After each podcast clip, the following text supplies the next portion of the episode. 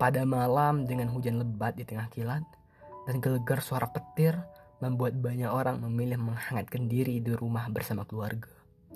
Namun, di sebuah sudut emparan toko, ada seorang kakek penjual tampah dengan sepeda tuanya. Mendekap kaki tua beliau, berusaha menghangatkan diri.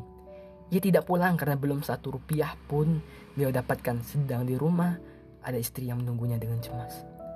Atau di sudut lain, ada sepasang anak. Kakak beradik saling memeluk menghangatkan diri di atas lembar kardus sebagai alas.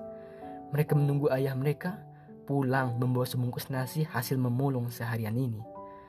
Bukankah kita jauh lebih beruntung dari mereka semua? Maka sudahkah ucapan syukur kita panjatkan kepada pemilik hidup? Sudahkah kita menyayangi saudara kita yang membutuhkan uluran tangan kita? Sebagai wujud kita mensyukuri nikmatnya.